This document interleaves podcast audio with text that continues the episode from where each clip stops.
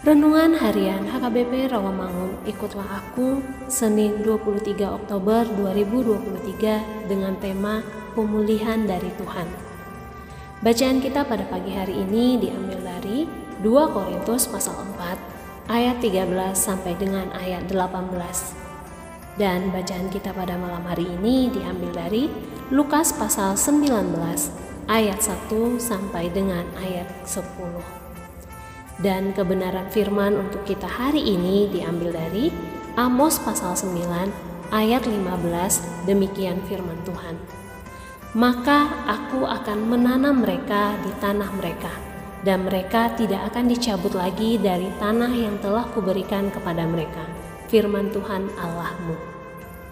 Sahabat ikutlah aku yang dikasihi Tuhan Yesus. Setelah Tuhan menghukum bangsa Israel, Tuhan berjanji bahwa Ia tidak akan memusnahkan umat Israel sampai habis. Walaupun bangsa Israel dihukum habis-habisan, pada suatu hari nanti bangsa itu akan dikembalikan ke negeri mereka. Bangsa Israel akan kembali, akan diberkati oleh Tuhan. Bahkan mereka akan menjadi berkat bagi bangsa-bangsa lain.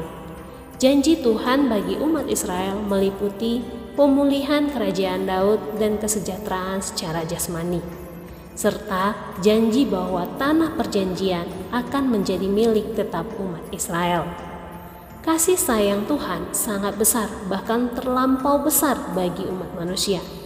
Dari satu sisi, walaupun Tuhan menjatuhkan hukuman, di balik hukuman tersebut terdapat maksud baik Tuhan yaitu memurnikan hati orang percaya.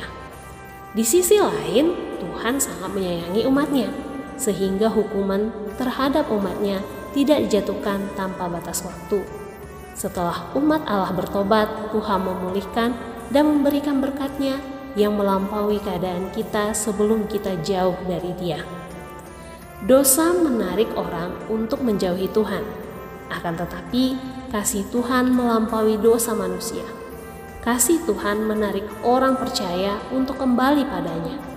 Bila seseorang bertobat dan percaya kepada Tuhan Yesus, Allah akan memulihkan. Dia bukan hanya berjanji untuk memberkati, tetapi juga berjanji untuk memberi kepastian keselamatan. Apakah kita telah datang kepada Tuhan Yesus untuk mengaku dosa? Apakah kita telah memperoleh kepastian keselamatan? Mari kita renungkan bersama. Amin. Marilah kita berdoa, ya Tuhan kami, pulihkanlah kami dengan berkat dan kasih sayangmu kepada kami ini milikmu. Amin.